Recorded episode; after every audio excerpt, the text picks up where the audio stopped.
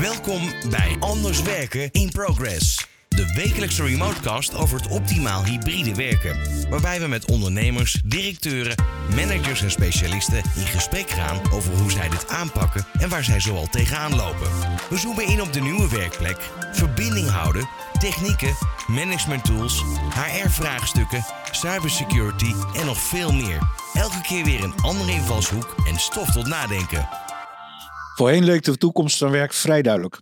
Maar kijk een paar jaar vooruit en de toekomst van werk ziet er totaal anders uit. Het hele concept van werken keerde zichzelf op zijn kop en het lijkt onwaarschijnlijk dat het ooit nog teruggaat naar de situatie die we ooit gewend waren. Personeelstekorten, AI, ChatGPT en meer nieuwe ontwikkelingen dragen hier nog eens extra aan bij. We moeten anders leren werken. Een liminaal proces dat nog in zijn kinderschoenen staat en waar heel veel bedrijven nog mee worstelen. Waar lopen we zoal tegenaan en hoe kunnen we dit effectief aanpakken? In de studio vandaag onze gastheer Erik Hartsink, CEO van Communicatief. Ja, Erik, eh, welkom in jullie eigen studio. Dank je. Goedemorgen. Ja, goedemorgen.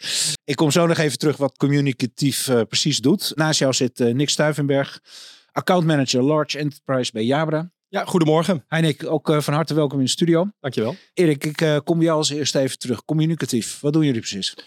Um, heel plat uh, installeren wij vergaderkamers voor Microsoft Teams en uh, transformeren wij traditionele telefooncentrales naar uh, telefooncentrales of communicatieomgevingen, ook op basis van Microsoft Teams. Ja, nou dat klinkt makkelijker dan dat het uiteindelijk is, hè, want er zit natuurlijk heel veel achter, maar daar ja. komen we straks even op terug. En Nick Jabra, ik, ja, ik denk heel veel mensen het merk wel kennen, maar misschien sommigen ook niet. Dus wellicht dat je even kan vertellen wat Jabra precies doet. Jazeker. Nou, Jabra is natuurlijk bekend, denk ik bij de meesten, voor audioproducten. Dus headset, speakerphones, dat soort zaken.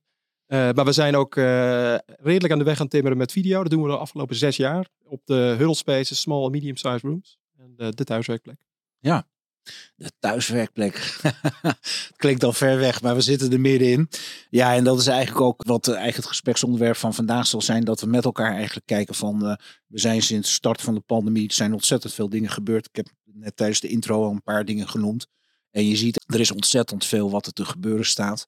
Waar staan we eigenlijk? Erik, als ik bij jou even begin, als jij nou even een, een scope kan geven op de markt, wat zie je zo al? Ja, wij zagen natuurlijk tijdens de pandemieperiode dat, uh, dat er ontzettend veel dozen werden geschoven. In ieder geval in onze, in onze wereld, hè, dan even zo gezegd. Uh, en wat bedoel ik daarmee is dat bedrijven allemaal uh, in een ad hoc situatie ontzettend veel spullen aan het aanschaffen waren.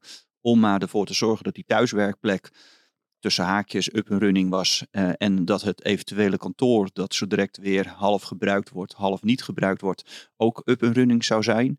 En uh, daar zien we nu een hele transformatie uh, gaande. Dat mensen nu strategisch een bepaald platformkeuze hebben gedaan. Nou, in ons geval, de klanten die wij benaderen, hebben dan Microsoft Teams omarmd. Um, en die zijn dus nu wel strategisch aan het kijken van hey, hoe gaan we nu die thuiswerkplek optimaal inrichten. Maar hoe gaan we ook die vergaderkamers en het sociale deel van het nieuwe kantoor of het anders werken gedachtegoed uh, uh, gestalte geven. Dus van een ad hoc is het nu naar een daadwerkelijk, ja, hoe gaan we dit uh, een, een businesswaarde geven? Ik als ik jou goed begrijp in de eerste instantie gefaciliteerd in de hardware. En is nu eigenlijk een, een implementatieslag ontstaan van hoe ga je er effectief mee om? En werkt het allemaal? Wat is er nog meer nodig? Want eigenlijk blijft de factor mens het belangrijkste wat je ook installeert of neerzet. Ja, en dat zie je dus ook in, in de change in de markt. Hè? Want tijdens die pandemieperiode hebben wij als kennishuis nou, niet zo heel veel bedozen geschoven. We hebben wel netjes onze omzet uh, gedraaid. Uh, maar omdat we gewoon vaste klanten en, uh, en, en contracten hadden. Uh, maar, maar dan zag je, ik noem het even de dozen schuivende partijen, die zag je ontzettend veel volume draaien op laptops, op, op thuiscamera's, op, op headsets, op van alles. Ja, en wat je nu een beetje ziet, of in ieder geval zoals wij dat terug horen van onze distributeurs en, en leveranciers, is dat er nu eigenlijk een soort omslagpunt is. Wij hebben ontzettend druk, ontzettend veel business, want nu, nu wil men ook daadwerkelijk over het mens, het, het bedrijfsproces, de strategie gaan praten, oftewel de inhoud. Ja, en dat is toch iets anders dan alleen maar een met alle respect, een, een, een, een Jabra, een Polycom of een, of een Poly moet ik zeggen, een, een Niet of iets dergelijks aan te bieden. Hè. Dus wij bieden die merken absoluut aan.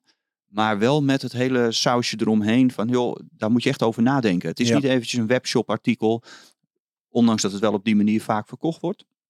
Maar het heeft echt wel meer impact in, in een organisatie. En dan praat ik over organisaties die in de, het corporate enterprise segment zitten. Hè. Dus vanaf een 200, 300 werkplekken tot ja, uh, ettelijke uh, duizenden, tienduizenden. ja, daar zit een heel andere strategie achter dan maar zomaar spullen kopen. Kom daar zo nog even bij op terug. Nick, eh, hoe kijk jij daar tegenaan? Nou, ik wil er wel even op inhaken, want ik ben het helemaal eens uh, wat Erik zegt. Uh, wat, wat wij ook zien en herkennen in de markt, is natuurlijk dat, uh, dat voor COVID, na COVID, had je, had je twee typen organisaties. Je had een organisatie met een visie en strategie al voor COVID. Met betrekking tot het hybride werken. Die hadden alles eigenlijk in principe al voorbereid. was een relatief klein deel. Maar het grootste gedeelte was natuurlijk gewoon, wat, precies wat Erik zegt, het ad hoc vraagstuk waar medewerkers, of waar organisaties natuurlijk medewerkers gingen bedienen met nou, alles wat er in de markt beschikbaar was. Zonder na te denken wat de impact daarvan is. Het is puur gewoon, oh, we hebben wat nodig, we moeten het aanschaffen.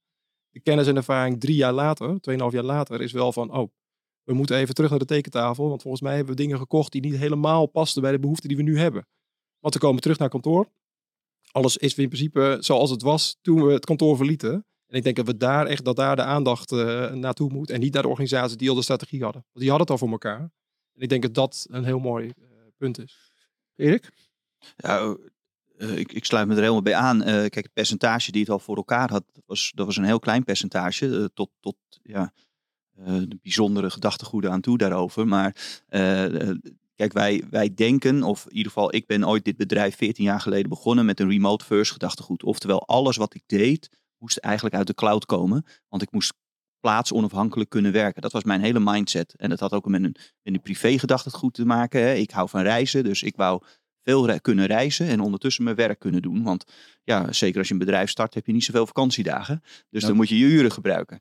Uh, en uit, uit die hele gedachtegoed is een strategie opgezet om het kantoor en hetgene wat wij bouwen ook remote te faciliteren. Dat geldt voor onze telefonieoplossingen, uh, dat, maar dat geldt dus ook voor, uh, voor het hybride en het, het samenwerken, het anders werken waar we nu in zitten. Even om daarop in te gaan, hè, als je dan kijkt hè, van zoals jij het schetste, van de meest optimale werksituatie.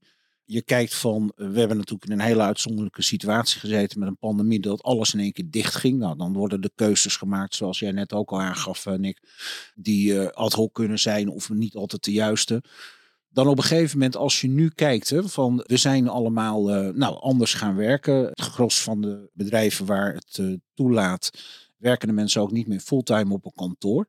Maar wat mij eigenlijk heel erg interesseert is van, maar is het dan nu allemaal perfect ingericht? Of zit er nu, moet er een volgende slag gaan komen? Hoe kijk jij daar tegenaan? Nou, die, die slag moet zeker gemaakt worden. Ik denk waar heel, hebben een onderzoek gedaan naar kenniswerkers uh, afgelopen jaar. En het jaar daarvoor ook. En net zoals dat Microsoft het doet bij de Work Trend Index. Uh, dat doen we naar kenniswerkers. En daar komen best wel wat interessante resultaten naar voren. Uh, de meetings, hoe wij meetings als, als medewerker doen. 80% van de meetings hebben een hybride of virtueel karakter. Dus dat is wel een belangrijke, denk ik. Waar we meest bij stil moeten staan. maar op het moment dat je naar een typisch kantoor gaat, dan is die kantoorruimte of een meetingroom is nog steeds hetzelfde ingericht als voor COVID. Dus als je dan kijkt naar wat belangrijk is, en, en dat komt ook naar voren in ons onderzoek, is dat meeting equity. Hè, dus meeting equity is eigenlijk, ja, wat heb je, hè, wat is je, je uh, in ieder geval, meeting equity is 30% van de medewerkers weet wat meeting equity is. In principe is het gewoon gezien en gezien worden op een inclusieve manier. En dat is het meestal niet. Dus in 70% van de gevallen is niet eens bekend wat het is. Dus ik denk dat, dat Erik dat ook wel herkent bij klanten. Uh, en ja, dat ruimtes daarop nog niet ingericht zijn op een nieuwe, moderne manier van werken. Hoe, hoe kan dat eigenlijk? Hè? Als je nou zegt van we zijn inmiddels weer ruim een jaar uh, zijn we hybride aan het werken. Dan zou je op een gegeven moment toch zeggen, ja joh, maar dat had toch al lang gefaciliteerd moeten zijn. Dat is toch allemaal niet zo heel erg ingewikkeld. Of maak ik hier een rare opmerking? Nee, het is geen rare opmerking. Maar ik denk dat er uh, organisaties zijn die de, echt in een uh, gelukkige situatie zitten. Dat ze bijvoorbeeld naar een nieuw kantoorpand gaan. Of, of budget of faciliteiten hebben om het kantoor te kunnen aanpassen. Dat is de ideale situatie. En als je aan de andere kant van het spectrum krijgt, heb je, kijkt, heb je organisaties die misschien die middelen helemaal niet hebben. Of die een kantoorpand huren, die afhankelijk zijn van uh, de, de real estate companies die bepalen waar de wand komt te staan. Of wat voor vloerbedekking er is. Of wat voor meubels er in die, in die ruimte zitten. En daar moet je mee werken. En ik denk dat daar het verschil en daar het verschil gemaakt kan worden door een specialistische partij als communicatief. Uh, omdat die, die klanten daarin mee te kunnen nemen van oké, je kan naar het optimum. Maar wat is de middenweg om daar in ieder geval de eerste stap te kunnen maken om al efficiënter te kunnen werken? Ja, want die middenweg die vind ik wel erg interessant. Want je zit natuurlijk ook met bedrijven die nog helemaal niet weten van uh, uh, ja, of ze gaan downsize qua kantoorruimte. Het heeft ook Precies. met huurcontracten ja. uh, te maken, noem maar op. Dus is het een kwestie van timing? Is het een kwestie van prioriteit? Is het een kwestie van kennis? Waar, waar, waar zit nou de, die sweet spot waar je inderdaad bedrijven mee kan helpen om, om hier anders tegenaan te kijken? Nou, ik denk dat het een combinatie is van, van allerlei factoren. Hè? En, en de ene organisatie is dan het huurcontract een bovenliggende eh, factor. En bij de andere organisatie is, er, is het een bepaalde strategie, bij wijze van spreken, of een bepaald leiderschapsstijl. Uh, maar eigenlijk alles begint bij uh, wat is je visie, hoe jij je kantoor wil inzetten voor je organisatie en je medewerkers en je, en je klanten.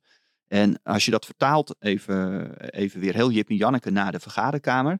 Als jij een architect inhuurt om, om je, je nieuwe pand in te laten richten, dan is die architect heel erg bezig met hoe zien die vergaderkamers en hoe zien die ruimtes eruit. Maar allemaal vanuit het, uh, het objectief dat jij naar die ruimte uh, kijkt en dat je in die ruimte zelf aanwezig bent.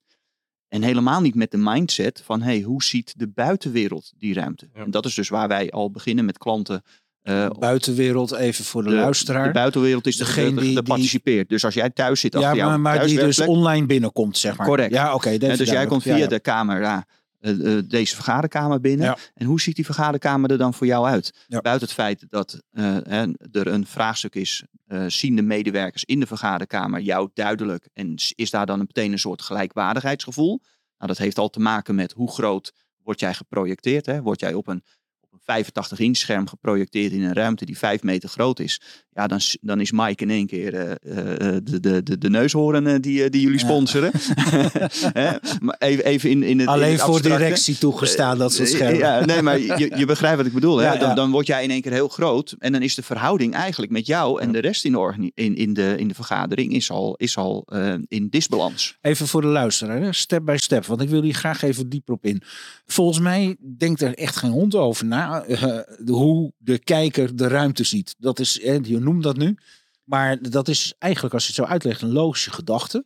Terwijl in de perceptie van mensen, denk ik, vaak is iets is van ja, goh, maar ik zit op afstand naar een scherm te kijken. Ik zie een algemene vergadertafel en als iemand wat zegt, dan wordt erop ingezoomd. Dus uh, joh, hoe spannend is dat? Maar dat is maar ook de moeilijkheid, dus hè? want ja, ja. inderdaad, er zijn weinig organisaties die op die manier erover nadenken, maar ze denken er wel over na in de gedachtegoed van hé, hey, we hebben een aantal aandachtspunten en veelal vanuit HR, inclusiviteit, gelijkwaardigheid, uh, uh, een, een, veilige sociale omgeving, zodat je in een meeting ook daadwerkelijk toegevoegde waarde kan leveren met elkaar, of dat je nou remote of in de ruimte zelf zit. Nou, zo zijn er een hele hoop aspecten uitval, hè, dus, uh, dus uh, stress, burn-out. Er zijn organisaties met, met ja, tussen de 7 en de 11 procent aan uitval van mensen. Ik ga niet zeggen dat het allemaal aan dit aspect ligt, hè, maar het zijn allemaal onderdeeltjes van. en er is ontzettend veel bij die me de medewerker momenteel neergelegd. En dan bedoel ik dan de, voornamelijk de kennismedewerkers, hè, want iemand in een fabriek die kan niet thuis werken. Die, die staat achter. Nee, we achter hebben het echt over kennismedewerkers, uiteraard. En die kennismedewerker is in één keer eigenaar geworden van allerlei vraagstukken. Die moet over allerlei zaken nadenken. En het simpelste feit is, um, ik heb een tijdje geleden een, uh, een pitch gekregen van een uh, ja, op zich interessant bedrijf. Um, en die persoon die zat zijn pitch te doen vanuit zijn zolderkamer met de was achterop, zijn rek en al dat soort dingen. En ja, dan sta je bij mij al 2-0 achter. Dan heb ik echt zoiets van, joh, en het ging echt om serieus geld. En ik geloof dat als je dat dus in het, in het verlengde neemt naar het hele bedrijfsleven, valt er dus nog heel veel te halen. Hè? Voordat, je, voordat we even de diepte in gaan. Wat ik, wat, wat, wat ik hier hoor, dat maakt het wel heel erg interessant. Hè? Want het, het is niet alleen, we hebben het nu over techniek, faciliteren. Nou, daar gaan we het zo direct de diepte op in. Maar we zitten ook in één keer in het, ja, zeg maar het visuele aspect. Hè? Hoe ziet een ruimte eruit? Hoe kom je binnen? Jij haalt nu net aan... Uh, ook zit... natuurlijk gedrag. Uh, ja, Precies. uiteraard. En uh, nou ja, wat jij net aanhaalt, het wasrek op de achtergrond. Of inderdaad, ja, niet echt zeg maar gekleed zijn voor een meeting. Hè, wat je ook heel vaak ziet. Dus er zijn verschrikkelijk veel componenten die bijdragen eigenlijk in de basis van hoe communiceer je met elkaar. Hoe komt het over? Daar zitten heel veel leermomenten ook voor de mensen in. Tegelijkertijd denk ik wel dat in de basis de, het faciliteren van de techniek, hè, van de begrijpen, denken bedrijven er ook over na van hoe komen wij als we 50-50, zeg maar, dus remote en 50% op locatie in een, in een boardroom zitten of in een vergaderruimte. Hoe komen we bij elkaar over? Hoe komt de boodschap over? Want dit is natuurlijk, ja, we zijn dat niet gewend. Kijk, als je naar grotere en internationale organisaties kijkt, die hebben natuurlijk al heel lang dat ze internationaal gewoon vergaderingen met elkaar hebben. Waar een aantal mensen in een boardroom zitten die goed ingericht is en men is dat gewend. Ja, maar ook daarin, Ja, hè, ja. de- even, even qua gedachtegoed. Hè, de boardroom was voorheen een ruimte waar dan hele luxe stoelen stond met een mooie, hele, eh, met een mooie camera die af en toe zou kunnen inzoomen op een spreker. Maar uiteindelijk had je dus een hele dure kamer waar twintig man zat. En op het moment dat jij een overview had, kon je niet zien wie er in die ruimte zat. En wat zie je dus? Hè? En, en daar begint techniek dan om de hoek te kijken. En dan dien je eh, apparatuur te hebben eh, die, die die intelligentie in huis hebt om dat te kunnen ondersteunen. Bijvoorbeeld de Jabra, eh Pannekast heeft dat ook. Eh, maar er zijn ook andere merken die dat ook ondersteunen. Eh, die hebben dus de mogelijkheid om die grote ruimte onder te verdelen in kleine tegeltjes. Dus net zoals dat jij vanaf je thuiswerkplek als tegeltje binnenkomt in een vergaderkamer, komt er in die, eh, in die vergaderkamer, als er acht mensen zitten, acht tegeltjes terug naar de, de personen eh, eh, thuis. Zodat ook wederom weer die gelijkwaardigheid er is. Ja. En want waarom zou je 20, 25.000 euro in een, in, een, in, een, in een luxere vergaderkamer eh, investeren, als je die mensen uiteindelijk nog niet kan zien? Nou, al dit soort aspecten wordt ondersteund door techniek.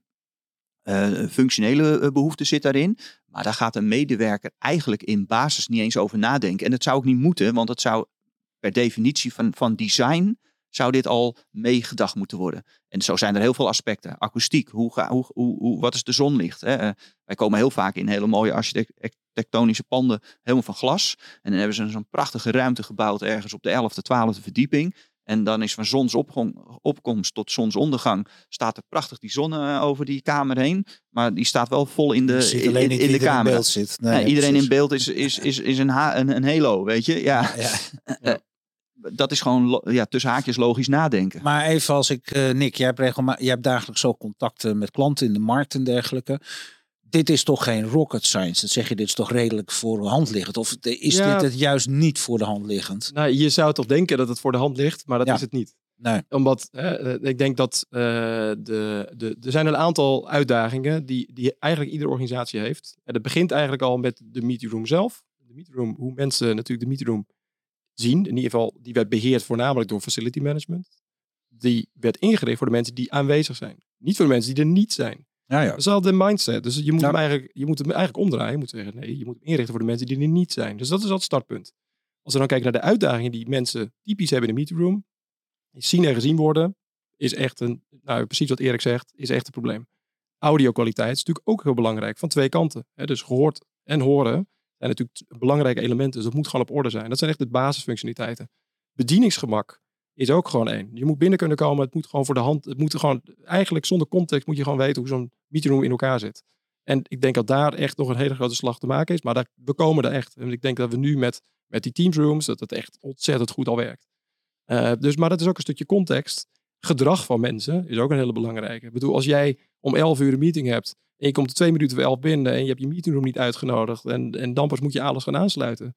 Is gedrag. Dat is gewoon iets wat je gewoon makkelijk kan oplossen. Ja, je hebt trouwens een heel belangrijk punt aan. Hè? Want dat gedrag aan, aan twee kanten van de microfoon en de camera, noem ik het dan maar even. hè, Want het takes uh, two of meer te tango. maar ehm, je ziet toch de, dat, dat mensen daar helemaal niet in opgevoed zijn. Dat is ook, eh dus je, nou, je noemde het achtergronden. Nou, dat is één ding. Hoe ga je gekleed in een meeting zitten? Maar dat is ook meteen de moeilijkheid, hè? want een organisatie wordt nu in één keer eigenlijk verwacht om over al dat soort onderwerpen een, een stelling te hebben en een strategie te hebben en iets uit te waaieren naar de organisatie van hey, dit is ons Nou, beleid. even, je zegt een organisatie wordt geacht, hè, maar die vind ik even te globaal.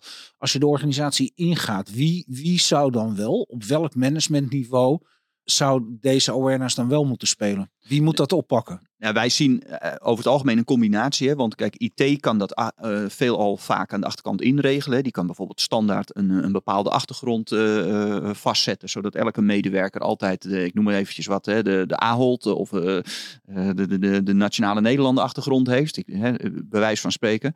Ehm, maar, maar het gedragdeel komt vaak vanuit een HR- of communicatieafdeling. Dus het is ook wederom weer een, een multidisciplinair vraagstuk. Die feitelijk wel als één beleidstuk door de organisatie naar buiten gedragen dient te worden.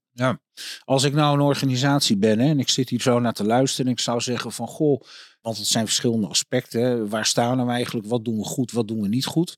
Hoe zou je jezelf kunnen, eh, een soort scan kunnen doen om te kijken van waar, waar, waar staan wij nu en hebben we het wel of niet goed ingericht? Nou, de, de methodiek zoals wij zelf werken is eh, dat wij eigenlijk de, de, de mensen eerst uitnodigen hier bij ons op kantoor. Um, ongeveer 90, 95 procent van onze Uh, nieuw businessklanten komen, komen hier op kantoor. Uh, hier hebben we een experience center ingericht. Niet op apparatuur. En ja, er hangt hier heel veel apparatuur. Maar echt op bedrijfsproces. En hoe ga je die, de persoon die het bedrijfsproces dient uit te voeren in zijn kracht zetten. En dan met natuurlijk gedrag. Al dat soort zaken zijn meegenomen. En dat is een soort learning curve die je eigenlijk in twee, drie uurtjes hier door het pand allemaal gaat ervaren. Proeven, voelen, ruiken gedachtegoed.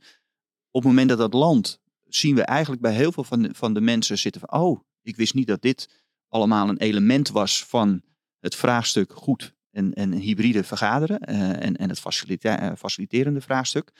Uh, daarna gaan we meestal een scan in, in de organisatie, want dan is de uitvraag ook anders geworden. Hè? Want in het begin komen ze eigenlijk aan tafel, joh, ik heb vijf meetingrooms of twintig meetingrooms of honderd meetingrooms nodig en ik heb zoveel schermen en camera's. Maar dat is helemaal niet de vraag. Hè? Want welk proces doe jij dan in die kamer? Wat ondersteun jij? Ben je heel veel met Excel bezig? Ben je heel veel met PowerPoint bezig? Of nee, ik doe heel veel videomateriaal. Dat zijn hele wezenlijke andere vraagstukken en inrichtingselementen uh, om uiteindelijk te ondersteunen. Voor de gebruiker niet. Hè? De gebruiker die loopt gewoon de vergaderkamer binnen en die moet zijn werk doen. Dat is even de, de mindset.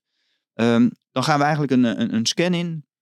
Uh, dat kan een, uh, afhankelijk van de schaalgrootte van het project en, uh, en van de organisatie kan dat van één dag tot een, een, aantal dagen duren. En in zo'n scan zit eigenlijk over het algemeen alles over het procesdeel. Wat doe je in die ruimte? Hoe werkt het?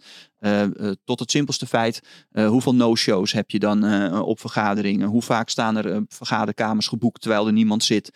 allemaal dat, allerlei facilitaire vraagstukken die wel als irritatie op de werkvloer zitten. Dan is eigenlijk, want dit klinkt tamelijk logisch, wat je eigenlijk zegt.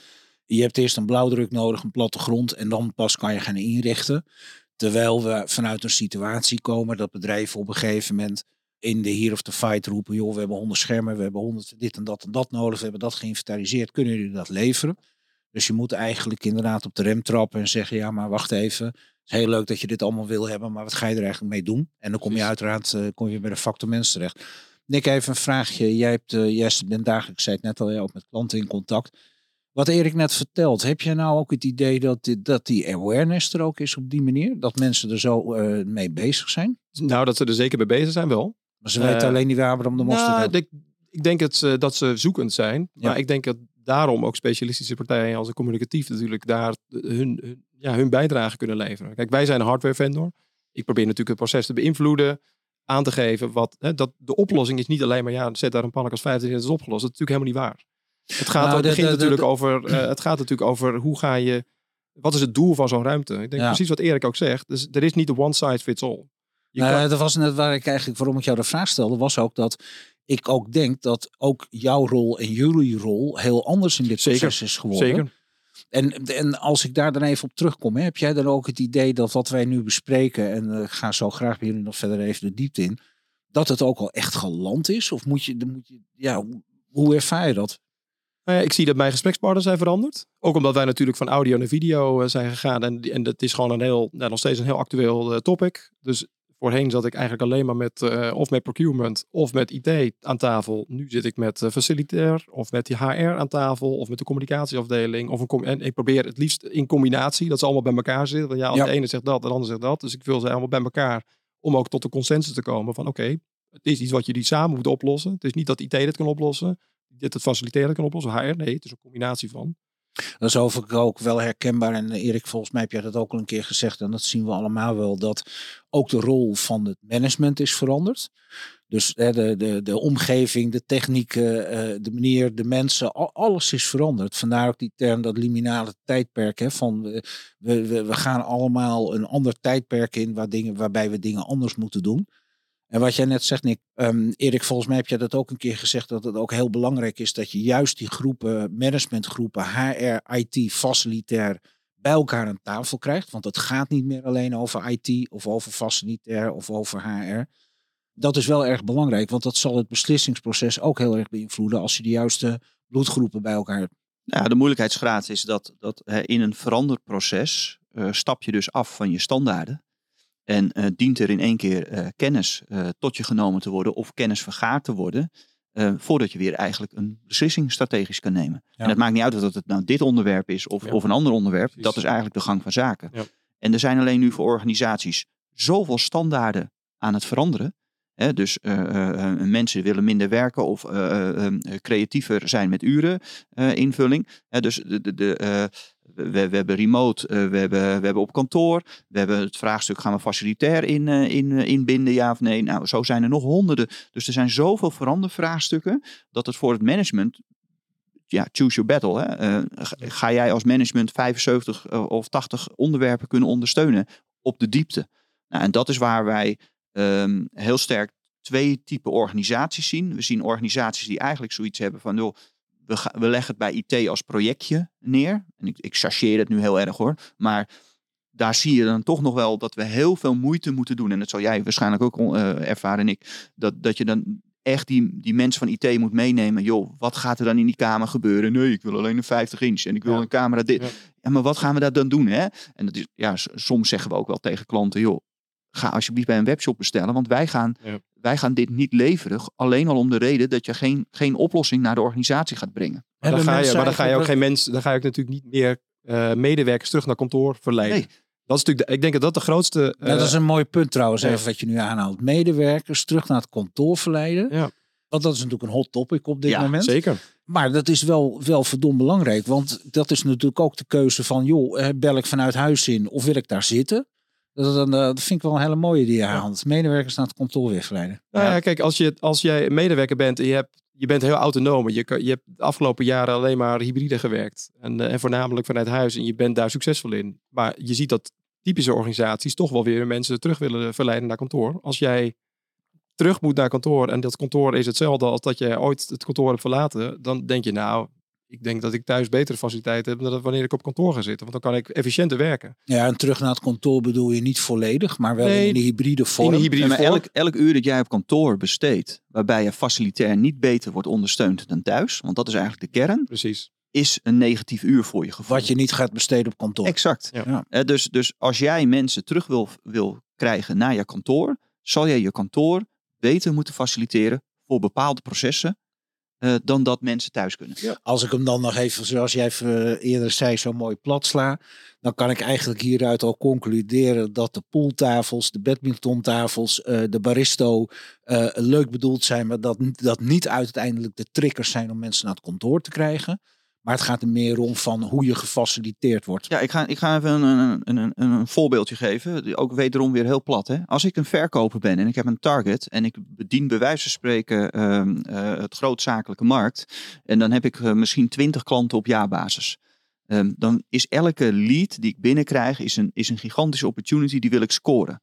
Op het moment dat ik een pitchruimte zou hebben bij mij op kantoor, die helemaal ingericht is, waarbij ik met bij wijze van spreken de kleurtjes van de ledlampen, het logo van de klant kan nabootsen, en ik in een soort ehm, ja, eh, studio-achtige manier een vergadering kan hebben met mijn prospect, dan wordt mijn kans om die prospect te scoren gewoon vele malen hoger dan dat ik dat bij mij thuis doe met het wasrecht, ach- Ja. wasrek achter me, achter me staand.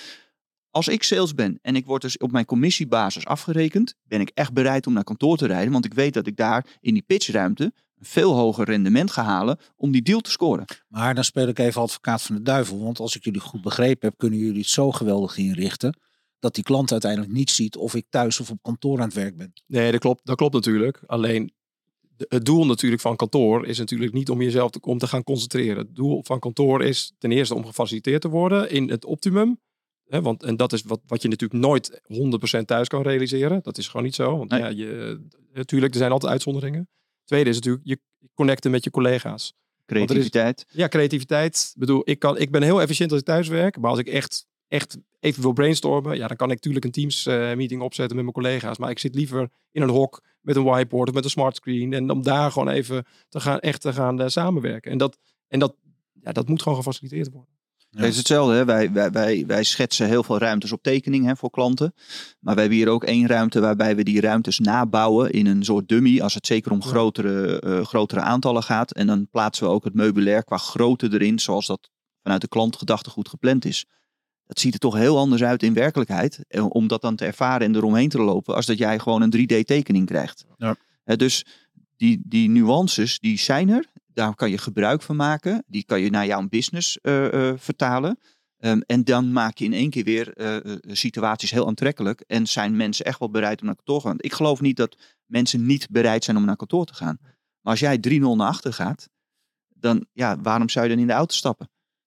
Nou ja, dat zijn natuurlijk verschillende factoren. Maar ik denk wel dat de bottomline is dat als je het zowel voor de, de thuiswerkomgeving als kantooromgeving beter inricht en faciliteert, beter uitluistert waar de behoeften liggen en ook kijken wat, waar je rekening mee moet houden. Want het is niet even van hang maar een paar schermen aan de muur en zet maar een systeem neer wat het moet doen. Maar het gaat uiteindelijk een heel stuk verder. Nou, er zit ook een business continuïteitsvraag aan. Hè? Bepaalde kamers wil jij misschien wel binnen twee of binnen drie of vier uur weer up en running hebben als daar wat stuk is. Omdat het zo'n belangrijke ruimte is die zoveel gebruikt wordt. Maar er zijn ook kamers waarvan je zegt van joh, maar daar heb ik er veertig van. Dus als er één of twee stuk zijn, joh, als je de volgende dag met een, met een nieuw uh, videobar of scherm of whatever staat, eh, is dat ook geen probleem. Ja. Maar dat zijn allemaal essentiële elementen in het hele vraagstuk. Ja, herkenbaar. Ik hoorde jullie net iets heel interessants zeggen. De, de manier waarop je je communiceert en presenteert. Waarom ik dit even aanhaal, want ik wil zo direct met jullie ook even naar een stuk techniek even toe. Waarom ik dit aanhaal is het volgende. Ik heb bijvoorbeeld, we hadden het net over sales. Hè. Als ik sales kan doen, uh, hoe, hoe kom ik dan over bij iemand op afstand? Neem ik even als voorbeeld uh, de science fictions programma's als uh, de Galactica, Battlestar en Star Wars en dat soort programma's. Dan heb je zo'n ruimteschip en dan staat zo'n captain, die staat daar op een scherm van 6 bij 6 te praten. Waardoor je, wat jij net aangaf Erik, heel anders overkomt en binnenkomt. Dat betekent natuurlijk ook dat het misschien ook wel zo zal zijn in de toekomst en in de techniek. Dat je inderdaad ook thuis in een ander soort, op een andere manier gefaciliteerd wordt. Dan dat je gewend bent om op dat kleine scherm, op dat kleine beeldscherm te kijken. Dus misschien dat je wel kan gaan staan, dat je groter binnenkomt, dat je de anderen ook op een groter scherm ziet. Is dat raar wat ik zeg of is dat wel iets van, het lijkt mij natuurlijker overkomen dan dat we maar op dat schermpje blijven turen? Is dat de next step dat dat, dat, dat, dat ook anders gaat werken? Nou, ik, ik wilde wel ook iets op zeggen, want ik denk dat, dat we moeten beginnen met, met de basis in ieder geval nu al op orde hebben. Ik denk de grootste uitdaging die, uh, en, en ook uh, misvatting is van nou, we geven die medewerkers een laptop en, uh, en daar zit een webcam op en er zit een mic in die laptop en die mensen kunnen dan toch gewoon werken thuis. Ja ik denk dat dat de misvatting is. Want ik denk als we puur kijken naar verschillende beroepsgroepen, dan kan ik een aantal uit, voort, eh, uit, eh, uit eh, oppakken. Bijvoorbeeld in de healthcare. Ik bedoel, als jij een specialist bent of een arts en je hebt een arts-patiënt gesprek, dan kan je niet met je laptop, met een webcam van een laptop, zonder certified speaker of headset, een gesprek voeren. Ik vind gewoon dat je daar, je moet, je, moet je situatie aanpassen aan de, de beroepsgroep. Het moet persoonlijk zijn. Je moet goed in beeld zijn. Het is een emotion. Het is natuurlijk iets. Je, bent een, je hebt een persoonlijk beroep. Ik vind dat je daar echt het verschil kan maken. Goede camera, goede audio. Bij voorkeur ook geen headset, maar een speakerphone. Want ja, een headset is toch iets wat niet natuurlijk is. Als je echt een persoonlijk gesprek hebt met een patiënt, wil je dat echt tot het, ja, niet aan het toeval overlaten. Dat is denk ik het eerste voorbeeld. Tweede voorbeeld is, je zit bij een groot consultancybedrijf. Uh, die kosten een aantal uh, honderden euro's per uur. Uh, die reizen natuurlijk overal heen en weer. Maar op het moment dat dat niet kan, dan kan je natuurlijk niet alleen met een laptop en een webcam gaan zitten. Want dat, je betaalt nog steeds hetzelfde tarief. Ik vind ook dat je daar je professionaliteit moet uitstralen. Dus niet alleen maar door een duur pak aan te trekken. Maar ook gewoon door een professionele camera, persoonlijke camera te gebruiken. Goede headset, goede speakerphone. En dan maakt het niet meer uit waar je zit. Ik denk dat dat echt fundamentele zaken zijn. En dat is, komt weer terug eigenlijk op dat uh, equity en equality je wilt aan twee kanten het geregeld hebben. Dus niet alleen in je meeting room, maar ook aan de andere kant. En dat, kan, dat verschil kan je maken. En ik denk zeker dat organisaties daar nog in kunnen investeren. Nou, als we even naar techniek kijken, dan pak bijvoorbeeld even eh, AI erbij. Uh, wat voor invloed gaat dat hebben? Hebben jullie, hebben jullie een idee? Kan je eens vooruitkijken van waar gaan we heen? Waar staan we straks? Nou, waar staan we nu?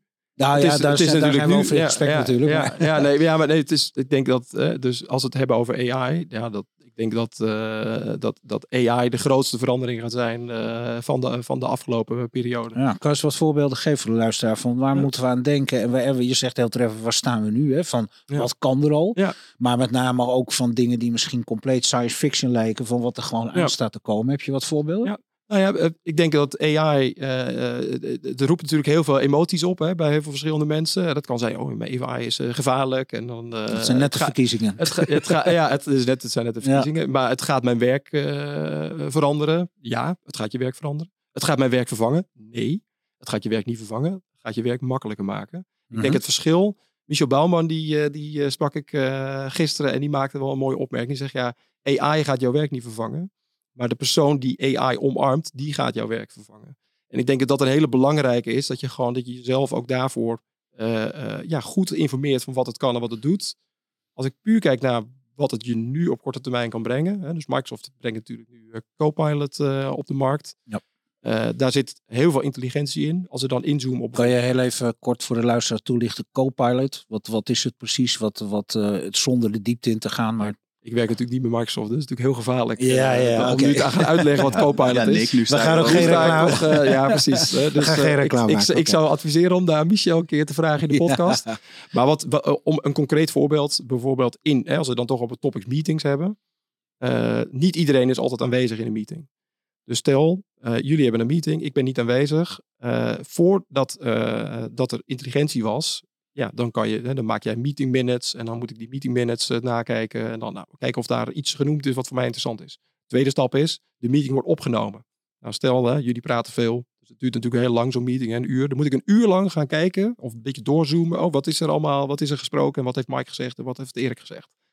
Met, met Copilot of met, met AI kan je, en ook met bijvoorbeeld slimme camera's en, en die bijvoorbeeld intelligent speaker functionaliteit hebben, zoals bijvoorbeeld de Panakas 50, kan je, uh, uh, wordt er al herkend wie er in de meeting zit. Dus op het moment dat jij spreekt, herkent de camera, oh hey, uh, Mike spreekt of Erik spreekt.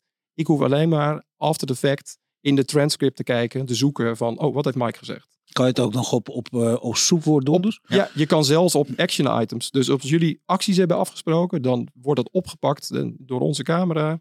Maar dat wordt in Copilot wordt het al helemaal getranscript. Dit zijn de action items van de meeting. Ja, dat, ik denk dat, dat dat gaat ons zoveel tijd schelen. Want ja, er zijn, er, er zijn mensen die gaan gewoon die gaan een, bijvoorbeeld een uur lang uh, of een uur eerder opstaan om de meeting die ze, die ze, of de meeting die ze gisteren gemist hebben, om na te kijken. Nou, dat kan je dan in vijf minuten doen. Dus die tijd, dan kan je de hond uitlaten, kan je gaan sporten, kan je gaan fietsen. Uh, ja, ja. ik ja en ik denk dat we ook niet moeten vergeten, hè, want we, kijk, AI is een soort buswoord. Uh, als, als iemand met Microsoft aan, de, aan, de, aan uh, bezig is, dan is Copilot ongeveer hetgene wat de laatste maanden echt ons platgeslagen is. maar wij, er wordt al heel veel AI gebruikt in allerlei elementen. En het zijn allemaal kleine dingetjes. Hè? Dus, Waarvan we niet weten, bedoel je? Nou ja, uh, waar, uh, exact waarvan we het niet weten, maar toch de, de experience ervaren. Even heel simpel, als jij een laptop thuis hebt en je zit in een Teams meeting en je gaat een zak chips eten, dan hoort de, de, de, de, de overige uh, vergaderdeelnemers hoort niet dat jij in die zak chips zit te graaien. Ze zien het wel. maar dat, ze zien het ja, wel. ik wil net zeggen. Maar met, met, met, daarom hebben mensen altijd een scherm bij mij uitstaan. Ja, maar met noise cancelling kunnen ze dus, met intelligentie, kunnen, we, kunnen ze dus detecteren dat dat onnatuurlijk geluid is ten opzichte van stemgeluid. Ja. En dan wordt het weggefilterd. Ah, dus ja. dat zijn al allemaal kleine elementjes die eigenlijk al gebruikt wordt. Waar, wanneer gaan mensen het scary vinden, is op het moment dat het in het persoonlijke domein komt op een manier dat je denkt van hé, hey, uh, ze gaan mijn stem herkennen. Uh, oh, in één keer komt er Erik in het scherm te staan als ik aan het praten ben, terwijl we vanuit de vergaderkamer. Maar dat is een kwestie maar, van tijd. Maar wat jij nu aanhaalt, hè, want dat is natuurlijk ook de issue, hè, dat er nu al mensen bezig zijn met allerlei wetgevingen tegen AI, terwijl men niet eens weet wat je dan als wet daarop in moet voeren. Maar je krijgt natuurlijk wel, je hebt met persoonsbescherming te maken, want het komt ja. steeds dichterbij. Dat zal ook op weerstand roepen. Aan de andere kant denk ik wel, ja, je kan heel veel weerstand bieden en een hele hoop dingen roepen, maar het heeft natuurlijk ontzettend veel voordelen. Jij zei het al, Nick, het gaat het alleen maar makkelijker voor ons ja. maken. En ja, ik denk met altijd met jobbedreiging dat het meer iets is van, ligt dat niet eerder aan jezelf dan hetgeen wat in je omgeving ja, maar gebeurt. Maar... Even heel simpel, hè? toen ik vroeger van de MTS afkwam, toen heb ik... Heb jij gestudeerd? Hè?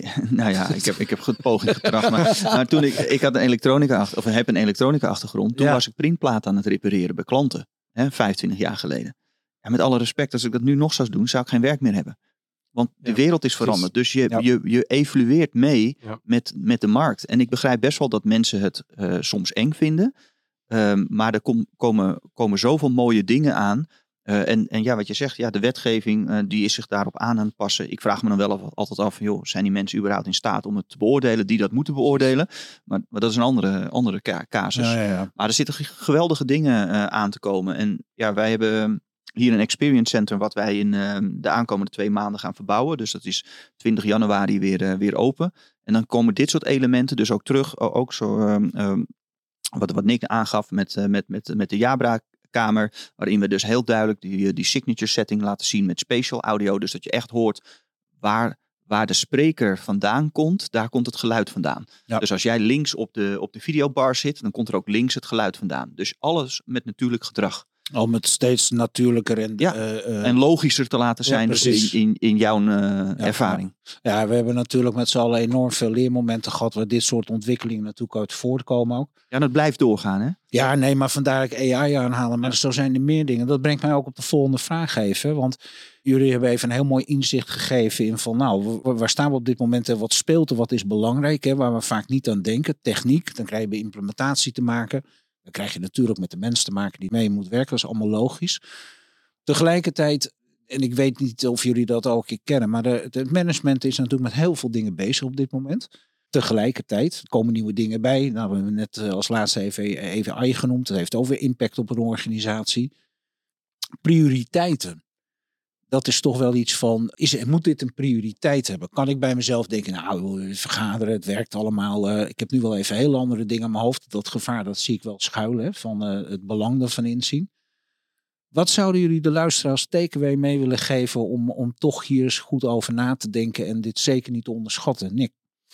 Nou ja, als, als we dan even inzoomen op het, op het thema vergaderen, zou ik, zou ik adviseren om kritisch te gaan kijken naar welke vergadering hoef ik niet bij te wonen. Ik denk dat dat een hele belangrijke is. Ook gewoon, dat, denk dat heeft niks met technologie te maken. Maar als je dan wel een vergadering hebt, zorg er dan wel voor dat aan twee kanten het gewoon optimaal is. En dus eh, eh, dat je een, een, ruimte inricht die gebouwd is voor mensen die er niet zijn. En aan de andere kant zorg dat eh, de mensen gefaciliteerd worden met de juiste gecertificeerde devices. En, en als, als een bedrijf dat wil onderzoeken, stel dat, dat, dat dat allemaal niet zo voor de hand liggend is van hebben we dit nu wel of niet optimaal gefaciliteerd, hoe zouden bedrijven daar een beter zicht op kunnen krijgen?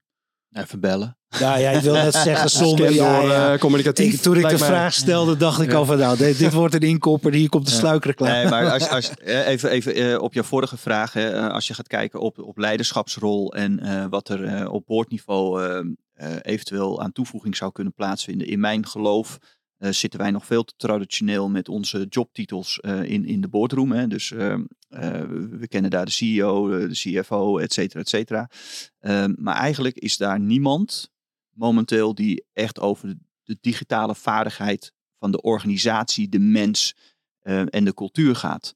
Ehm, en ik denk dat daar eh, echt een heel belangrijk punt in, of dat je die nou Chief Hybrid Officer wil noemen of give it a name, I don't care. Maar iemand die opstaat om daadwerkelijk die, die verschillende eh, multidisciplinaire vraagstukken samen te voegen en eigenaarschap neemt, maar het ook in Jip en Janneke naar de andere boardmembers kan vertalen van joh, deze keuze staan we voor. Ik denk dat dat een hele belangrijke wordt. En daarmee verlies je ehm, in ieder geval geen ach- achterstand op je, op je concurrentie. Ik eh hoorde hier ook in één keer dat tijdens deze mooie uitzending de Chief Hybrid Communication Officer is eh, opgestaan. eh, een mooie nieuwe functie. Ja. ja, ik ben nooit zo van al die titels als je Nee, maar de nee, nee. inhoud hebt. eh, weet je. Eh, Nee, duidelijk. Ja, in ieder geval weer eh, heel leerzaam en absoluut eh, stof tot nadenken. Eh, Slijpsteen voor de geest, om het maar zo te zeggen. Nick Stuivenberg, ja, maar ontzettend bedankt eh, voor je komst naar de studio toe. Graag gedaan. Ja, Erik, eh, jij uiteraard ook. En eh, bedankt voor de gastvrijheid weer vandaag. En, geen enkel probleem. bedankt voor jullie bijdrage. Leuk. Bedankt. Leuk dat je weer hebt geluisterd. En volgende week zijn we weer met een nieuwe Remotecast. Deze aflevering wordt mede mogelijk gemaakt door de Anders Werken Summit en haar partners. Heb je een aflevering gemist? Of wil je zelf deelnemen aan onze live events en netwerken? Kijk dan voor meer informatie anderswerkensummit.nl